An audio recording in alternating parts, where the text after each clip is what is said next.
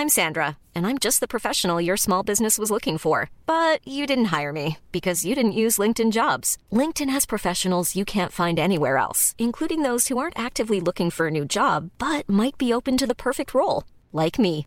In a given month, over 70% of LinkedIn users don't visit other leading job sites. So if you're not looking on LinkedIn, you'll miss out on great candidates like Sandra. Start hiring professionals like a professional. Post your free job on linkedin.com/people today.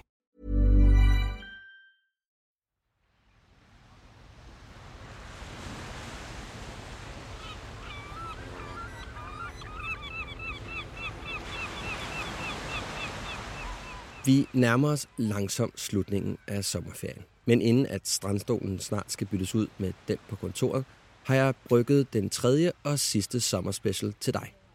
Jeg har valgt fire brudstykker ud fra de alt 46 episoder, jeg har lavet. En fra hver sæson. Det er episoder, som jeg synes skiller sig ud. Afsnit, hvor der var noget inde i mig, som faldt på plads, gik op for mig, eller for gæsterne under samtalerne. Og så har jeg også snedet et lille og i min optik genial udtalelse fra en af vores store danske forfattere, der var med i slutningen af sæson 3 som en ekstra lille bonus.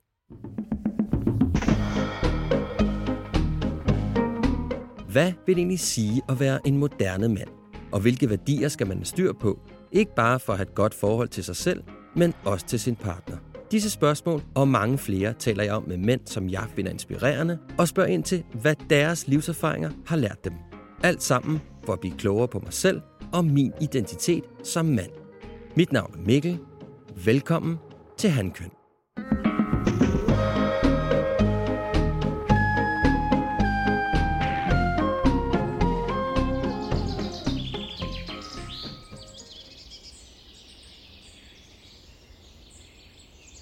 Den første værdi, jeg altid tager fat i i handkøn, er at tage ansvar. Både for dig selv, men også for tilstanden af den relation, du er i. Og det er altid den værdi, jeg starter op med, fordi jeg hurtigt fandt ud af, at det er det sted, hvor ikke alene jeg, men også de fleste af mine gæster har haft de største udfordringer. Gennem tiden har der været mange forskellige bud på, hvordan man har taget eller ikke taget ansvar i sit liv. Skuespiller og forfatter Thor Lindhardt var min anden gæst i den første sæson. Og da jeg spurgte ham om, hvorfor det er så svært at tage ansvar, viste sig, at han havde gjort sig nogle meget vigtige og brugbare tanker om emnet. Øhm, der er jo ingen tvivl om, at hvis du skal tage et ansvar, nu, selvfølgelig, nu tager vi begrebet ansvar, hvis du skal tage et ansvar i det daglige, eller tage tage et ansvar i dit kærlighedsforhold, eller for dig selv, og tage, det, tage dig alvorligt, så kan du ikke undgå øhm, svige og smerte og usikkerhed og sårbarhed. Og, og det er ikke nødvendigvis behagelige følelser. Mm. Det vil sige, for mig giver det meget god mening, at, at så øh, lader det bare være med det, og så tager jeg det, der er rart i stedet for. Tur, jeg tænker på, hvis du er, hvis du sådan er bevidst omkring det der med, at du måske nogle gange løber for ansvaret, fordi det er lettere. Ikke bare nogle gange. Er det tit? Ja. ja, ja, selvfølgelig. Ja. Det, det er hver evig eneste dag. Øh, Ja. Det kan jo være det små fra, øh, fra de små løgne. Altså, hvad er det, vi løber omkring 200 gange om dagen, ikke? I Hvad, gennemsnit. prøv, hvad kunne det være? Altså, fordi jeg, kender, jeg kan godt kende det for mig selv, men jeg er lidt nysgerrig på, hvad, hvad kunne det være for en lille løgn, du lige stak? Jamen, men, men mine løgne går nok mere... Jeg, jeg er nok blevet bedre til at være med at sige noget, så jeg ikke decideret lyver. Øhm, det kan være... Øh, nu lever jeg selv i et langdistanceforhold, ikke? Og det kan være, at det passer mig helt vildt dårligt, at, at vi skal ses. Øhm, men det har vi aftalt, ikke? Og, og, og måske er et sted, hvor jeg egentlig bare havde meget mere lyst til at sidde alene med en bog, eller se nogle venner, eller... Så hvad siger, hvad siger du så til din øh, kæreste? Jeg siger ikke noget. Nå, men hvis manden Fordi- står i lufthavnen, eller han er på vej, eller... det altså, kan jeg jo ikke sige. Altså, det Nej. kan jeg jo ikke sige. Jeg kan jo ikke sige velkommen fra, helt fra Paris. Øh, dejligt, du er her. Øh, jeg gider ikke se dig. Øh, det, det kan du jo ikke. Altså. Jo, det kan du godt, men, men så siger jeg ikke noget. Jeg vil sige, jeg er blevet bedre og bedre til at... Ej, jeg er faktisk blevet rigtig meget bedre til det. Hvordan, hvorfor er du blevet det? Jeg tror, det er øvelse. Ja. Men hvordan... hvordan Altså lige nu for eksempel har jeg ikke... Øh, hvis jeg knokler, og jeg ved, at jeg har premiere på en forestilling om uger, så ved jeg, så skal jeg ikke have besøg. Okay. Nu er jeg jo så også på den måde privilegeret, at jeg lever et forhold, hvor vi ikke bor sammen. Det er der så andre, der vil sige, at det er jo ikke noget privilegie, men det, det må man jo indrette, som man vil. Øhm, og det tror jeg er, det er erfaring. Øh, smertelig erfaring. Ja. Det jeg lidt hørte dig sige, det er, at du, er blevet, altså, du har fundet ud af, at når du, altså, når du ligesom udtrykker dig, eller er tydelig ja. omkring det, du har, altså, har brug for, eller ikke ja. har brug for, så har du fundet ud af, at det har givet pote. Ja. Jeg oplever, at det ikke er, det ikke er så farligt, øhm, og det faktisk tit bliver mødt med en, en, en forståelse, fordi du er klar i mailet.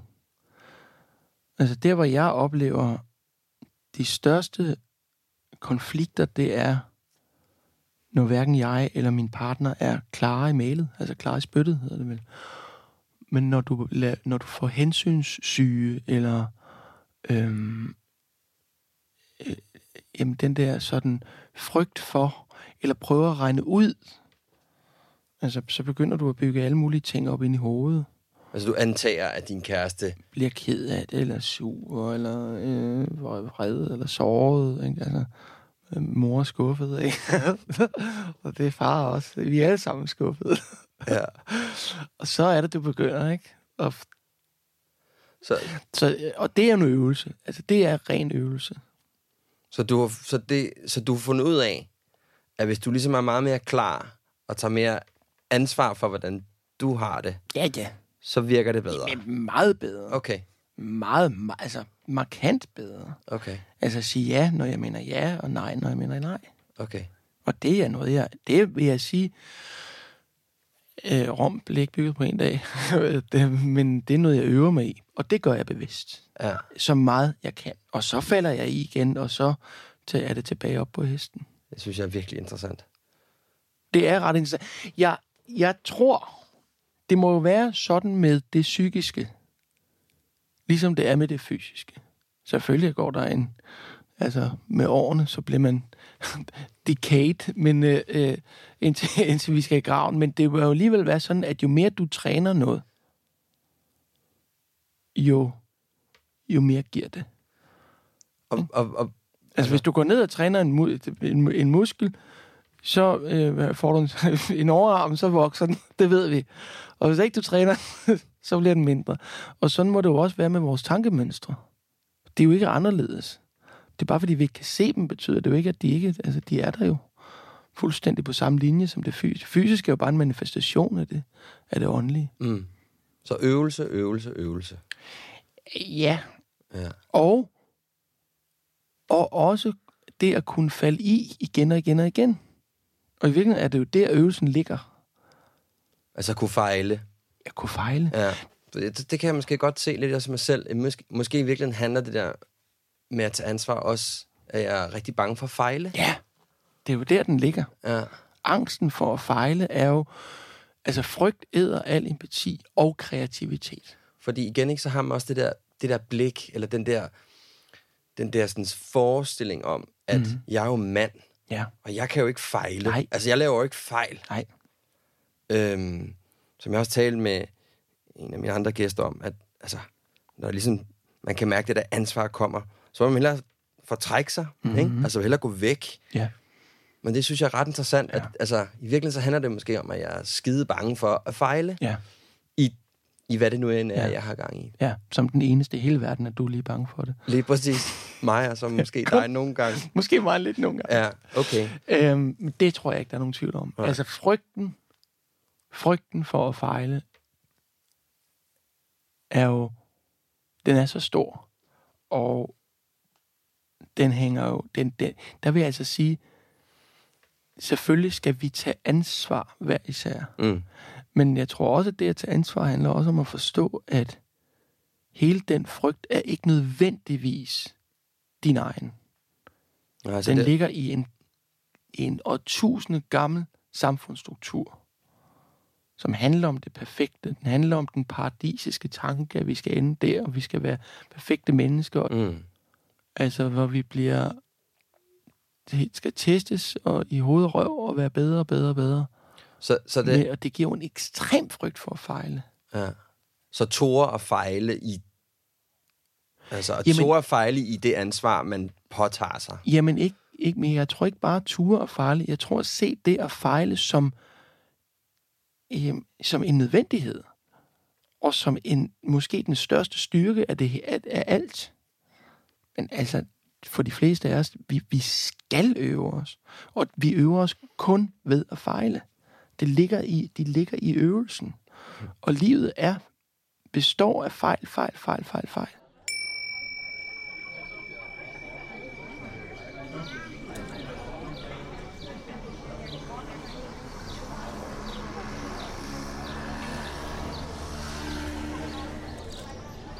Det er meget vigtigt, at du er bevidst om, hvad dit formål er. Altså, hvad det du gerne vil bidrage med til verden, med dit arbejde, ude fra hjemmet. I sæson 2 lagde jeg ud med at få tv-vært, forfatter og livsstilsekspert Flemming Møldrup bag mikrofonen. Og vi begyndte, mens samtalen var i gang, at prøve at definere, hvorfor han har så stor succes med det, han laver. Og hans svar havde et helt klart definerende ord. Et ord, som har været med til at styrke min forståelse af mit eget formål. Nemlig passion.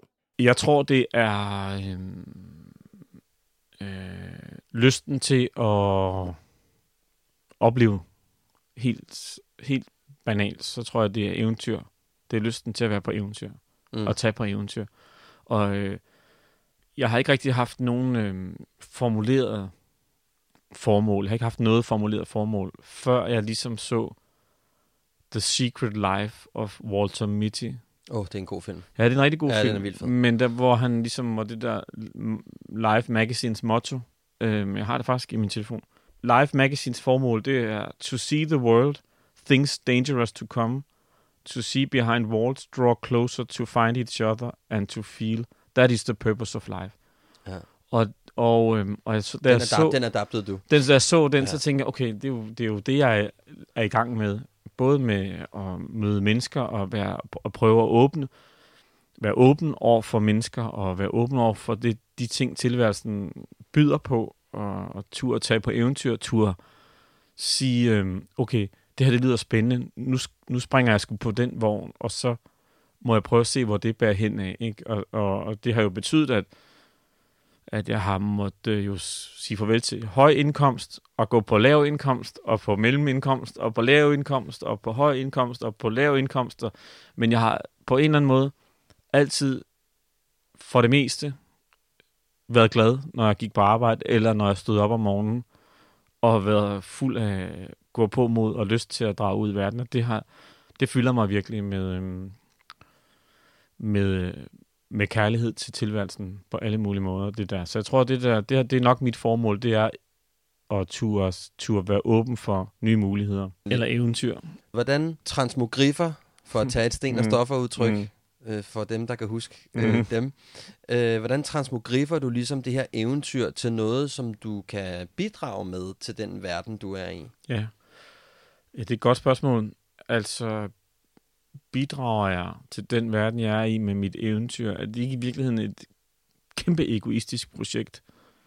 Men, hvor, at- men hvorfor tror du, folk gider at høre på det egoistiske projekt? Så? Jamen, det ved jeg heller ikke, men jeg tror, at det, altså, jeg gør mig jo sindssygt umage med at være et godt menneske. Og måske er det kombinationen af at være eventyrlysten, og så det der med at være et godt menneske. Altså, vise hensyn, tage hensyn, møde folk med åbenhed og kærlighed og smil, og prøve at være, sætte positive aftryk i tilværelsen frem for negative aftryk. Det, det, det synes jeg er enormt vigtigt for mig. Hvorfor er du med i det der, kender du typen så? Hvad, hvad, hvad ligger der i det? Jamen, altså, det er fordi, at øh, jeg er med i Kender-typen, fordi at, at jeg fik muligheden, og så tænkte jeg, at det kunne være sjovt.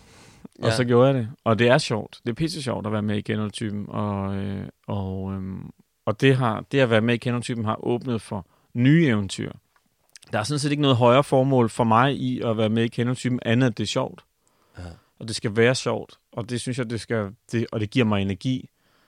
Jeg har mødt en masse spændende mennesker igennem kender-typen, og, og, og jeg nyder hvert sekund omkring det. Og det er ligesom det, der gør, at jeg kan komme hjem og være en god far, og jeg kan komme hjem og være en god mand, og jeg kan gå på gaden og møde mennesker og være et godt menneske, når jeg møder andre mennesker. Det er, at jeg får energi, god energi ud af de ting, jeg kaster mig over. Og det er super vigtigt for mig. Jeg har bare sådan vildt, jeg står og tænker jo på, på fuld øh, remoulade, og tænker sådan, hvad, kan jeg vide, hvad det egentlig er, du, hvad du giver fra dig, som, øh, når man altså, det er da Ja. ret interessant, ikke, at sige, hvad er det egentlig, du giver fra dig, som gør, at du kan holde foredrag, som gør, at du er Yes, med ja. i, i, i tv. Der må være et eller andet, der må være et eller andet tematik, tænker jeg. Vi står vi her og prøver at finde ud af, hvad dit formål Øh, går ud på. ja, ja, men jeg tror- men jeg synes bare, det er interessant. Folk, jeg, jeg, jeg tror, jeg er en ret likable character. Øh, og jeg tror, at øh, der er mange, der skriver til mig på Instagram og alle de der sociale medier, som jeg er på. Og det der med at sige, at det er enormt inspirerende, og jeg, at jeg, og jeg, og jeg kan ikke selv se det, for jeg prøver sådan set bare at, at At være dig. jeg kom så tæt på Mm. den person, jeg synes, jeg er. Mm. Og det, det er sådan et kæmpe arbejde, synes jeg. Men det er hele tiden noget med at skrælle nogle lag af, eller hele tiden noget med at gøre sig umage, og ikke at ty til øh, ned i de øh, vante spor med de der reflekser, de refleksvaner, vi har. Og sådan noget. Så jeg prøver sådan set bare på, det er faktisk lidt det hele tiden. Måske er det det, der er formålet Ja, i min tænker jeg tilværelse, men jeg prøver bare Ja. på hele tiden på at komme så tæt på den person, jeg kan mærke, den Flemming, jeg kan mærke inderst inde. Ikke? Ja, så det der, Og- altså det der med at vise, at man kan godt være et autentisk menneske. Ja, og det er jo det, det er noget af det, som jeg får ros for, og også kritik for i fjernsynet, det er jo, at jeg bare, Ja, puha, du skal ikke stå der og vise, hvem du er. du skal ikke, vise, du skal ikke stå der og være dig selv, vel? Nej, hold op med det. Ja, og det er der jo sindssygt mange, der godt kan lide, men der er også nogle, specielt nogle særlige anmeldere, der ikke bryder sig om den der autenticitet i fjernsynet, ikke? som jo bare er sådan en Aarhus-dreng, der godt tør snakke om, at, øh, at øh, der også har haft svære perioder i sit liv, eller godt kan lide shawarma, eller hvad fanden ved jeg, jeg har, som, men, men, men øh, så, så det er nok det. Det er nok det der med at komme, så- komme så tæt på, Kode ind. ja, og være Mm. måske i virkeligheden så autentisk som muligt, ikke? Mm, i alle sammenhænge, mm. tænker jeg. Det er ret interessant. Altså, Ja. det er da en ret, det er da et ret fint formål. Ja, det, det, det, når vi nu står her og finder det frem, så synes Ja. jeg faktisk også, det er ret fint. Ja. Altså, det, øh, det tænker jeg, der er mange, der kunne... Det, der er jo i hvert fald et eller andet, der Ja. tyder på, at den, at den form for formål om at vise et autentisk menneske, det er jo måske virkelig også noget af det, som vi øh, som mennesker leder lidt efter. Ikke? Altså, at der er nogle mennesker, der tør at sige, "Jamen, prøv, jeg er sådan her, jeg er Ja. fuld af fejl, Ja, ikke? som jo er... for det er jo Og også... som er jo, hvad skal man sige, den store tematik, der er i, øh, i, i den verden, vi Mm. lever i lige nu. Ikke? Mm. Ud, altså, uden skal ikke blive sådan for generelt, så bliver det også en lille smule banalt. Ikke? Men Jo. altså, øh, der er jo det der med, for helvede mand, vi må ikke lave fejl. Vel? Nej. Ja. Så et formål om at være, øh, Altså, det vise en autenticitet. ja, vise mig, altså så- være så autentisk, være så en autentisk udgave af mig selv som muligt. Det tror jeg måske i virkeligheden er det, det der er mit formål. Mm. Og det må jo så briste eller bære, ikke? Mm. Hvad giver det dig at have det der, den, den tilgang til dit, til dit formål? Altså, hvad giver det dig som menneske? Jamen, en kæmpe optur. Ja. Jeg får en masse energi ud af det her. Jeg får masser af fed energi. Jeg får masser af øh, mod. Øhm, jo mere jo mere succes jeg får med at skralde lag af, jo flere lag tør jeg ligesom skralde af. Og det er jo ikke, fordi jeg er på sådan en buddhistisk rejse mod noget guddommeligt. Det er slet ikke det. Jeg er bare på vej mod øh, et sted, hvor jeg står helt tydeligt som mig selv over for mig selv først og fremmest, ikke? og så over for de nærmeste øh, i min vennekreds og min relation relationer, kærlighedsrelation. Øhm, og så sek- ikke sekundært, men i tredje ring må det så være over for alle andre. Ikke? Mm. Øhm, det, men det er det er jo fedt. Man får jo, jeg får jo mere mod, og jeg får mere lyst til det, jo mere folk omkring mig synes, at det fungerer. Mm. Og det er jo, så det, det, det giver mig en masse lyst til at blive ved. Mm. Og kunne man øh, få et lille råd fra Flemming omkring, hvordan man kunne lede efter sit eget formål?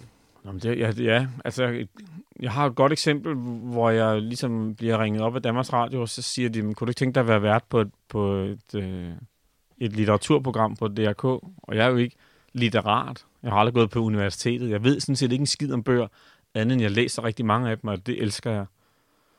Og det er jo, øh, og det for det første, på punkt, punkt et er det jo et nyt eventyr, som er sjovt og spændende. Og på punkt to, eller punkt to, så er det jo også et dødsensfarligt område at sætte sig ind i, øh, fordi at de, for eksempel litteratur er jo bare et kultur fint. Altså, det er jo simpelthen, man kan næsten ikke blive finere, vel? Det er så Meget pergament. elitært. Ja, meget elitært. Det er Mm. ligesom sådan noget fint pergament, ikke? Jo. Og dem, der er der inde i det område, de ved virkelig meget om det, og de hylder hinanden og sådan noget. Og kan, go- og kan rigtig godt i klassisk musik. Men det, men det kaster jeg mig så over, ikke? Og så har jeg så 48 bogprogrammer, og, og jeg får, altså anmelderne hader mig, ikke? Aviserne hader det, men folk, alle der ser med, elsker det, ikke? hvorfor det, gør de det? Jamen, fordi at jeg jo sidder der og demonstrerer, at jeg er bare ligesom dem, Mm. ikke? Jeg læser fucking bøger, ligesom 99 procent af alle mennesker læser en bog, ikke? Mm. Og så, så snakker jeg om det på den måde, som de vil have talt om det på. Og de resonerer helt sindssygt godt. Og det får jeg vildt meget energi af, for det får jeg vildt meget, og så fordi det giver mig meget mod til at gøre det igen, det der med at stille sig frem nøgen og sige, øh, prøv her, det ved jeg ikke noget om, men jeg gør det. Ikke? Så, så der er et eller andet med, altså det jeg hørte dig sige, det er, at, at der er noget i det her med at turde fejle. Det er kæmpe, kæmpe, Ja. kæmpe meget det, det handler om. Ja. Det, det handler sindssygt meget om at turde stille sig ud på, på isen, uden at vide, om den rigtig kan bære. Og så sige, når man, her er jeg, nu gør her, jeg det. Her fisker jeg. her fisker jeg, nu Ja. gør jeg det. Jeg gør det så godt, jeg kan. Hmm. Øh, I kan lide det eller lade være. Ikke? Mm. Mm. Og det tror jeg er meget det, det handler om. Det handler sindssygt meget om at ture, ture gøre det. Ja, turde, turde gøre det, man egentlig sådan går lidt og brænder for. Præcis. Ja. Og, te, og teste af, tænker jeg også, ikke? Og så teste det ja. af. Du lytter til Handkøn, en podcast om at genfinde mandens identitet. Handkøn bor også på Instagram. Her kan du følge med bag kulissen, få nys om events og andre gode tilbud. Og det hjælper mig på vej, hvis du følger, liker og deler mine posts. Så er du nemlig med til at sprede det gode budskab om handkøn og min mission om at genfinde mandens identitet. Du skal bare søge på handkøn.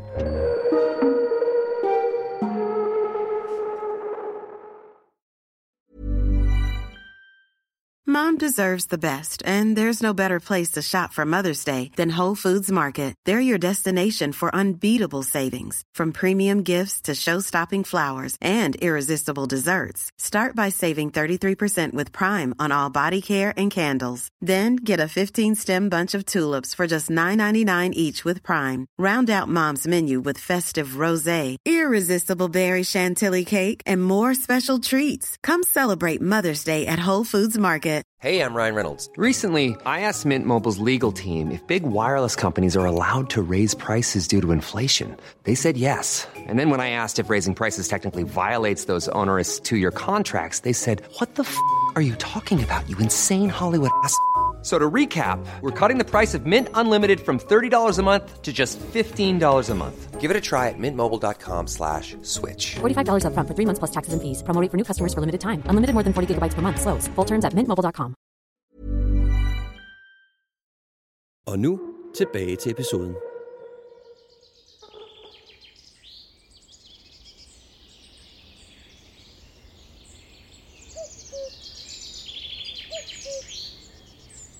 Den tredje værdi, som jeg altid undersøger med mine gæster, er behov. For det er vigtigt, at du er bevidst om, hvad du har brug for i din relation. Og her tænker jeg ikke på, at du gerne vil ud og fange hornfisk med din nabo, cykle hver anden dag eller drikke øl med drengene i weekenden. Jeg taler om, hvilke følelsesmæssige behov du har, for at du har brug for. for jeg taler om, hvilke følelsesmæssige, jeg taler om, hvilke følelsesmæssige behov du har brug for, bliver mødt af din partner, så du føler dig set, hørt og elsket. I sæson 3 spurgte jeg stand-up-komikeren Heino Hansen, om han kendte hans behov. Heinos svar var ikke specielt anderledes end mange af dem, jeg har fået før, nemlig at det var noget sløret for ham. Men hvad der var interessant var, at i løbet af samtalen opstod der en lyst fra hans side om at begynde at tage ansvar for netop at vide, hvad hans egentlige behov var. Min hjerne kan slet ikke leve i ikke at lære. Mm. Jeg er sindssyg af det. Hvordan, øh, så nu bliver jeg, jo, nu bliver jeg jo nødt til at udfordre dig, ikke? Ja. Hvordan, øh, hvordan bliver det oversat i din relation så? Øh, øh, kone, Majs? Ja, kone-wise. Jamen, ikke nok. Ikke nok. Nej, Øh, hvad betyder det? Jamen, det betyder, at... Øh, jamen, det, øh, jamen, det... Ja, det er ømt punkt. Jeg synes, du bliver det stille, Heino. Jamen, det gør jeg, fordi jeg har ikke tænkt over det, før du siger det. Okay. Men jeg, jeg parkerer jo nok. Jeg har lige siddet med armene op og gestikuleret om, hvor Ja. innovativ jeg er. Ja. Og de kom jo ret hurtigt ned, da du sagde det der. Fordi det gik lige op for mig. Det gik lige op for mig, at, øh, at øh, det er da godt nok en, øh, en pølsefabrik, jeg har fået skabt der, Ja. ja. med metervarer. Ja. Og, Altså derhjemme tænker du på, Jamen, er det en pølsefabrik? jeg, jeg undersøger ikke nogen nye steder, vi kan gå en tur, eller... Nej. eller Hvorfor gør du ikke det? Jamen, det, det skal der også. Ja. Det skal der også op på listen. Sige, hvordan kan jeg overraske min kone med en idé? Ja. I stedet for, at det altid bare er, når man skal vi... Nu har vi Så er der lasagne. Ja, ja det er ikke engang sige højt. Det er... Og nu rammer du alle... Øh, ja, det, men den, jeg laver sådan en ret god ind, skal lige s- noget, øh, Jeg så den, du lavede den der lasagnette. Det var fantastisk. Nå, slanke, slanke Ja, udgave. godt. Så jeg griner længere. tak. Ja, du skal bare tage alle ingredienserne ud. Så bare... Men ja. der kan, apropos den, nu tager vi den video. Det er faktisk en god case. Ja. Øhm, der, øh, den, den fik relativt mange visninger i forhold til indsatsen. Ja. Og Og det er fordi, det er en god idé. Der, der, der er nemlig flere, der har sagt til mig, Ja. øh, jamen, du skal da, du skal da lave, øh, du skal lave en hel øh, katalog, du skal lave øh, 20 videoer, hvor du så også laver en 0 kaloriers øh, leverstadsmad og sådan noget. Ja, mærke, carne. Gud skal røv. Gud skal jeg fandme røv. Altså, Ja. ja. det, jeg gider ikke. Fordi ideen er jo, altså, det er den samme idé så. Og, og så kan det godt være, jamen, du vil jo få 450.000 visninger på hver. Jamen, det er ikke det, det handler om. Jeg er ligeglad. Altså, det, jeg ville have mig selv i processen. Ja. Du prostituerer dig selv. Ja, jamen, det vil jeg gøre. Ja. Ja. Og jeg vil tørre røv i alt, hvad jeg har brugt al min energi på at lære mig selv at udvikle. I, i forsøget på, at der var 450.000, der så mig lave øh, leverpostejsmad om til vand. Det kan folk selv gøre. Nu har jeg givet med ideen. Så kan de til næste fredagsbar øh, stå og lade som om, at de har fundet på det. Jeg er helt ligeglad. Eller det er jeg ikke. Det vil jeg jo elske, det har jeg sagt før det tidligere. Men jeg, jeg, vil, øh, men jeg, jeg kommer ikke til det der. Hvordan skal vi omsætte det der så i din, i din forhold? Jamen det, det, det, Vise som om, jeg kommer til at sidde der. jamen, du, men øh, du møder op hver jeg møder op hver, hver fredag. Men, men, men det, det, det, skal jeg jo, det, det skal jeg jo tænke over. Der er jeg jo rookie, ikke? Fordi allerede nu går jeg i stå, fordi så sidder jeg og tænker, så sidder jeg og tænker på, når restaurant vi ikke har været på, sådan, "Nå, men det er jo røvsygt. Altså, Ja. det er, jo- Men det det er da interessant, er det ikke det? jo, det er nemlig, jo, det er da mega interessant. Ja. Det er da mega interessant, fordi hvis jeg, hvis, jeg, hvis jeg skal gå og claime at være en af Danmarks mest kreative mænd, og så du spørger mig, øh, hvad kan du finde på derhjemme? Og så siger jeg, øh, altså, så med fuldkornslasagne, så, måske, Ja. eller, så der skulle det være sådan noget, hvor man altså, tager hende til Spanien, uden at, uden at sige, at man skal i lufthavnen. Eller også. Ja, eller så måske bare man- bytte lasagnen ud med noget andet. Ja, eller... Kunne man starte der måske? Ja, t- ja eller tage et bad. eller Hvad fanden? Ja, Ja, ja. øh, Det, det er, den kommer du til at sende mig ud af døren med, øh, og det kan jeg fortælle dig, øh, under sårbarhed. Den kommer, til at, den kommer jeg til at gå og tænke over. Ah, det er jeg glad for. Ja. Har du andre ting på listen? Eller, eller er det sådan den, der ligesom Jamen altså nu, er, er nu den altså, øh, tænker vi i forholdet. flere behov? Øh, jeg, jeg, har, jeg har skrevet udvikle mig og, og lære. Så de, de hænger lidt sammen jo, Ja. men, øh, men ikke nødvendigvis. Altså, det, det, nogle gange udvikler du ikke at lære noget som helst. Du bliver bare mere øh, Bevidst. bevidst om et eller andet, Ja. men det udvikler dig ikke, hvis ikke du bruger det jo. Men, men det, det er netop det der med, at jeg godt kan finde på at sidde og se øh, altså, en tutorial til vandpiber, uden jeg nogensinde kommer til at... Jamen, det kender jeg godt. Jeg har set Så- på mange ting, jeg aldrig skal bruge til noget. Jamen det er det, så I kan bare Ja. ringe, hvis I sidder i Hvem er millionær, I ringer bare til Heino, og jeg ved alt muligt, men... Øh, Pibesliberi og øh, ja, hvad der laver falsk marmorering og kører bare. bare. ja. Men har du, øh, sådan, har du gjort dig nogle overvejelser omkring, øh, ja nu, går jeg, nu træder jeg ned i den igen, ikke? Øh, har du gjort dig nogle overvejelser sådan, i forhold til nogle behov, du har over for din kone? Måden I måske taler om ting på, måden du har brug for, hun møder dig i øh, ting, der er svære, eller har du gjort dig nogle tanker omkring det?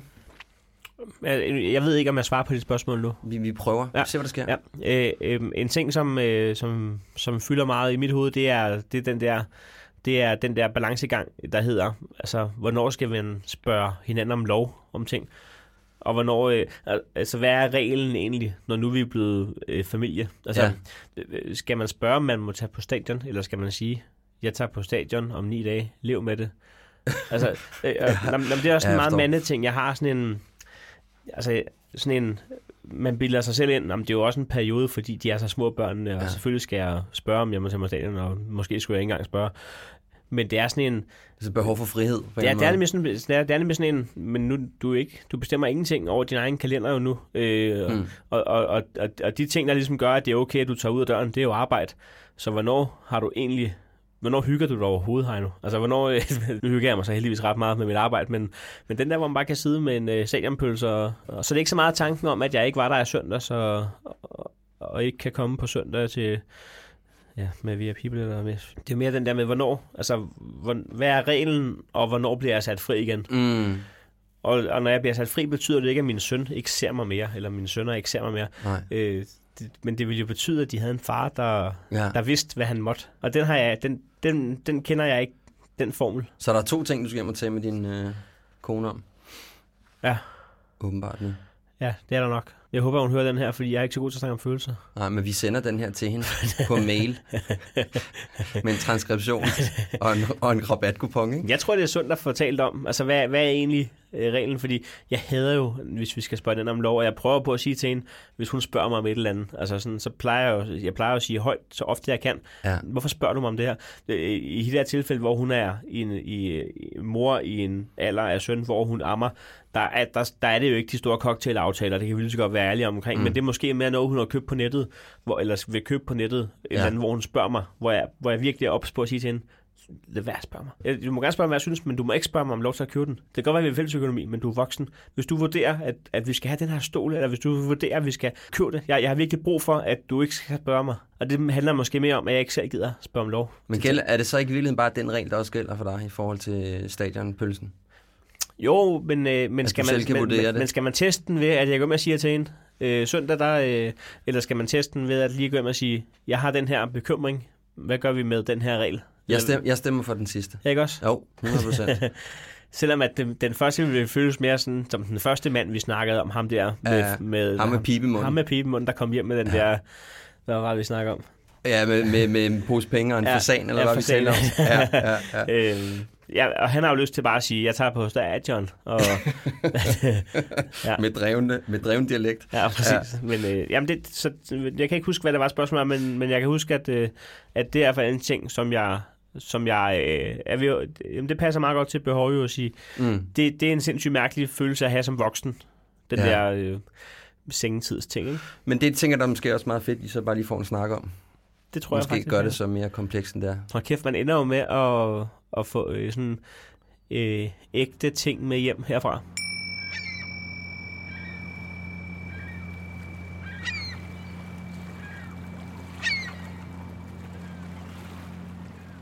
Sårbarheden er for mange en svær størrelse, for det kræver, at man skal blotte noget af sig selv, som langt fra er perfekt. Og det kan for nogen af os kræve, at man hanker gevaldigt op i ens ansvar for at vise de sider frem for ens partner.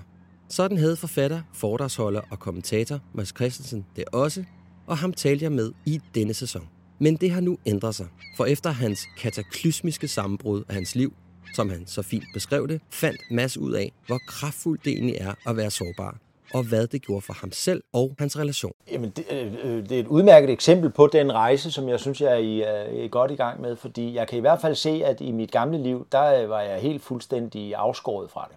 Ja. Altså, jeg var bestemt ikke ked af det. Jeg var bestemt ikke sur. Jeg var bestemt ikke, det var, øh, der var ikke noget galt med mig. Der var ikke nogen rød lampe, der lyste. Øh, og så gik det jo op for mig, da jeg havde det her næsten kataklysmiske sammenbrud, at, øh, at, øh, at det faktisk var ret sundt at være, være åben og ærlig. Jeg var så lige lovlig åben og lige lovlig ærlig og lige lovlig ekstrovert og showmanship sårbar.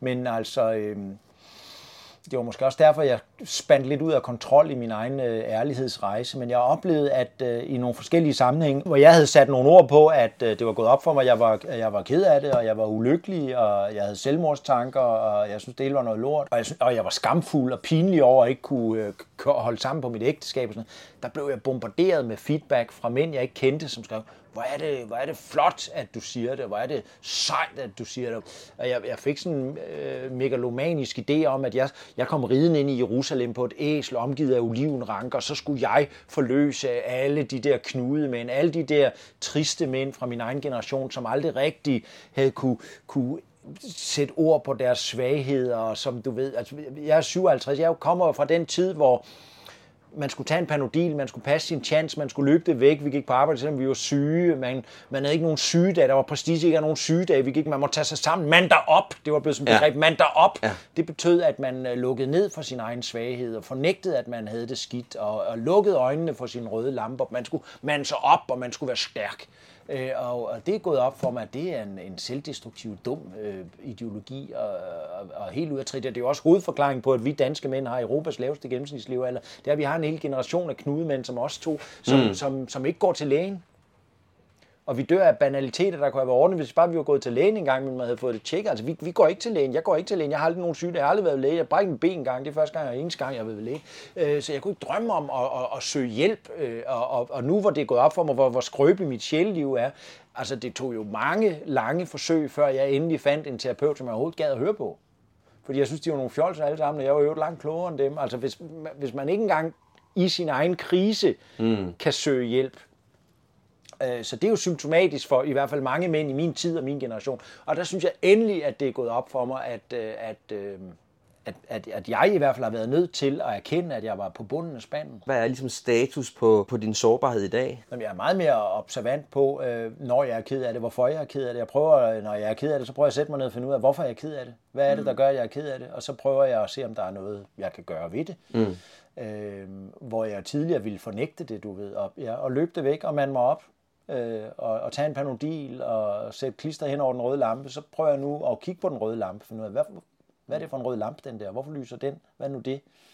Øh, og det kræver jo altså en, en lidt mere fundamental selvindsigt, men det kræver jo også øh, nu skal jeg ikke sidde og trutte i min egen trompet, men det kræver jo også, at man tør løfte en sten. Ja, man det må ikke, du godt. Man skal jo ikke løfte en sten, hvis man ikke vil vide, hvad der er inde under den. Nej. Så er det jo meget nemmere at lade den ligge, og måske lægge en anden en ovenpå. Og der, der, der bruger jeg nu som en metode, at, øh, at, øh, at jeg stopper op og mærker efter. Jeg kigger ned på min egen navle og spørger mig selv, hvordan har du det? Hvordan har du det med det her?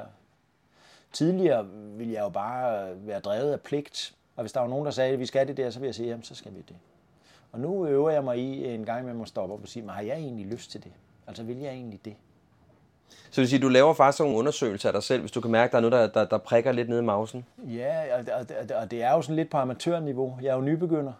Jeg har jo ikke ret meget erfaring, men, øh, men jeg øver mig, og det er nogle forholdsvis banale øvelser, og, og det er ikke fordi, jeg skal sidde og spille klog på det heller, men en gang imellem, så prøver jeg at stoppe op, og så helt fysisk kigger jeg ned på min egen navle, og så taler jeg til min egen navle. Det er jo en metode, og den virker måske lidt Anders Sandang, men så spørger jeg min egen navle, hvordan har jeg det? Ja. Hvad tænker jeg om det her? Og, øh, og, og i lang tid gik jeg hos, øh, hos den her terapeut, og han spurgte, øh, hvad føler du?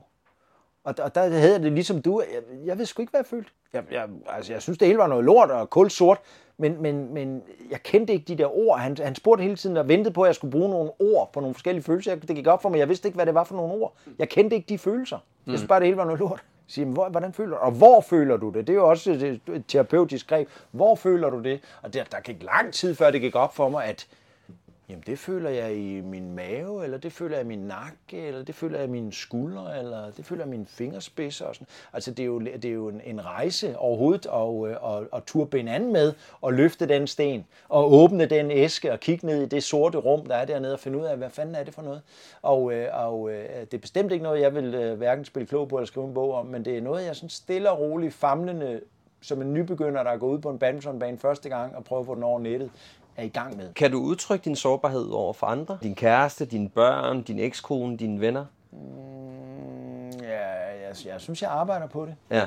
Jeg er lidt, øh, jeg er lidt på en lille rejse med nogle, med nogle venner, hvor jeg prøver at opsøge nogle... Øh, altså, jeg har oplevet efter skilsmissen at blive meget isoleret. Der er ikke nogen, der holder med ægteskabsbryderne, og slet ikke, hvis han har ligget og knæppet en eller anden blondine op i Sverige og været fuld af løgn og sådan noget. Så, så det er meget, meget nemt at blive dømt ude. Mm. Og øh, jeg har oplevet selvfølgelig, at en stor del af, af, af vores fælles omgangskreds, det bliver en fælles omgangskreds, når man er gift så længe, de er ligesom to øh, min kones øh, partier. Det skal de også. Jeg har oplevet i udbredt grad, mine børn gjorde det. Og hvis ikke alle gjorde det af sig selv, så sørgede jeg i hvert fald for at skubbe dem væk, som ikke gjorde det af sig selv. Så jeg fik meget hurtigt skabt sådan en, en, et billede af lille dumme mas, helt alene på en øde, kulsort ø, øh, i et selskabt elendighed. Og jeg fortjente ikke nogen venskaber. Jeg kan se nu, at dem, der ikke vendte ryggen til mig af sig selv, dem har jeg selv skubbet væk. Og nu er jeg lidt i gang med, du ved, ligesom Minnesota-kuren. Man har sådan nogle faser, hvor man ja. alkoholikeren blandt andet skal søge tilbage og undskylde over for alt det, man har pisset på gennem sit liv. Og sådan noget. Jeg er lidt i gang med det. Jeg er lidt i gang med at opsøge nogen og spørge dem helt konkret,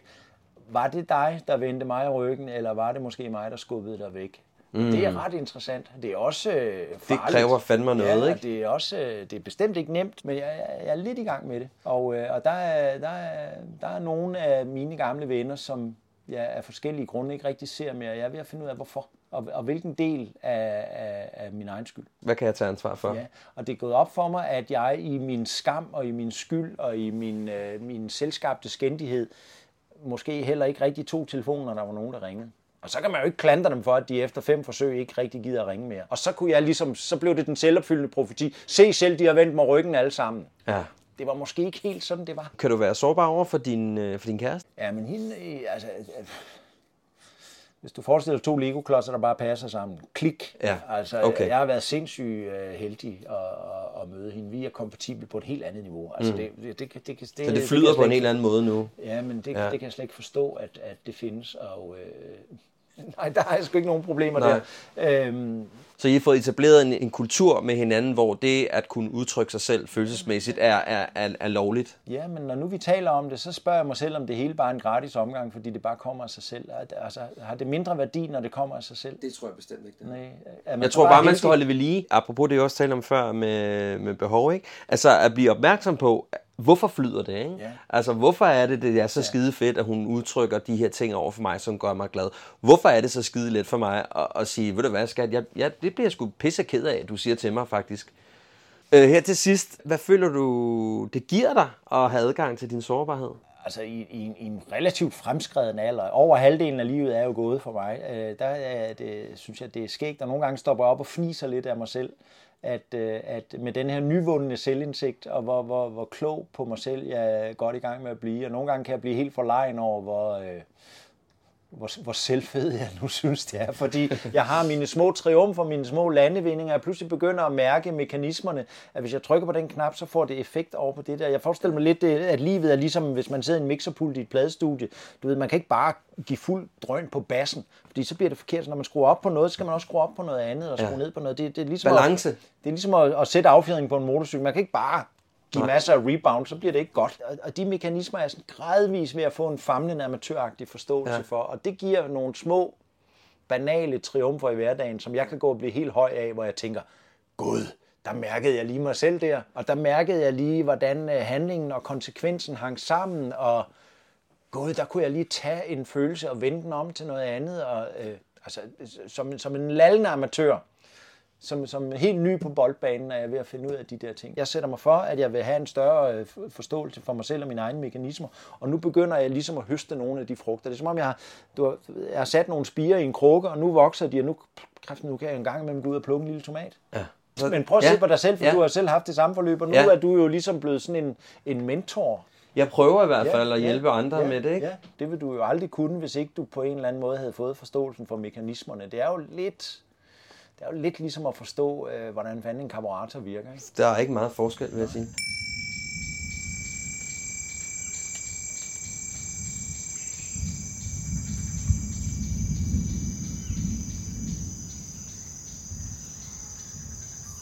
Og så her på falderæbet, og som jeg afslørede i starten, kommer der en lille passage fra min sidste episode af sæson 3. Her besøgte jeg forfatteren Ib Michael i hans sommerhus, alt imens han var ved at lægge den sidste hånd på hans bog. Ib Michael er nok det menneske, jeg har mødt, der har den mest klokkeklare definition på, hvad ansvar er for ham. Og han har levet nærmest religiøst efter det gennem et langt ægteskab med hans kone, og med stor succes. Og det er en definition, som jeg også selv har gjort til min egen. Her er, hvad han sagde, da jeg spurgte ham om, hvad ansvar er for ham. Ja, for mig er øh, det alfa øh, og omega øh, at tage ansvar for sig selv. Øh, fra begyndelsen i mit parforhold med Hanne, som begyndte for rigtig mange år siden, da jeg var fyldt 38. Øh, det første, vi blev enige om i vores relation, det var, at man tager ansvar for sig selv. Man tager ansvar for sin lykke. Ja. Man skal ikke lægge sin lykke i den andens hænder. Det lyder jo som om, at det skal man i et parforhold. Det skal man under ingen omstændigheder. Man skal tage ansvar for sin lykke. Det gælder alt fra orgasmer til, hvad du gerne vil med dit liv. Og den anden skal i den forstand ikke blande sig, men heller ikke være ansvarlig. Mm-mm. Man kan række ud, man kan hjælpe hinanden, øh, man kan opmuntre hinanden, men man beholder ansvaret for sig selv igennem hele parforholdet. Mm. Og du har været god til det? Ja. Og det har Hanne også været god til. Og vi har også været gode til at hjælpe hinanden øh, med at gøre det.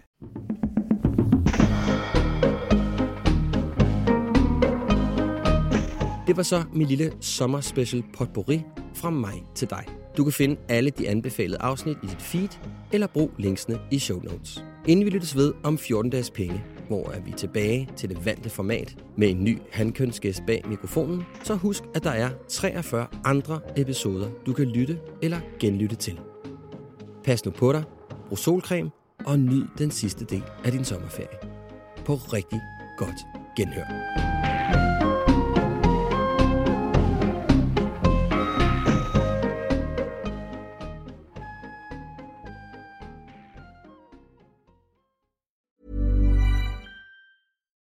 Hi, I'm Daniel, founder of Pretty Litter. Cats and cat owners deserve better than any old fashioned litter. That's why I teamed up with scientists and veterinarians to create Pretty Litter. Its innovative crystal formula has superior odor control and weighs up to 80% less than clay litter. Pretty Litter even monitors health by changing colors to help detect early signs of potential illness. It's the world's smartest kitty litter. Go to prettylitter.com and use code ACAST for 20% off your first order and a free cat toy. Terms and conditions apply. See site for details. Hey, it's Paige DeSorbo from Giggly Squad. High quality fashion without the price tag? Say hello to Quince. I'm snagging high end essentials like cozy cashmere sweaters, sleek leather jackets, fine jewelry, and so much more. With Quince being 50 to 80% less than similar brands. And they partner with factories that prioritize safe, ethical, and responsible manufacturing. I love that. Luxury quality within reach. Go to quince.com slash style to get free shipping and 365 day returns on your next order. Quince.com slash style.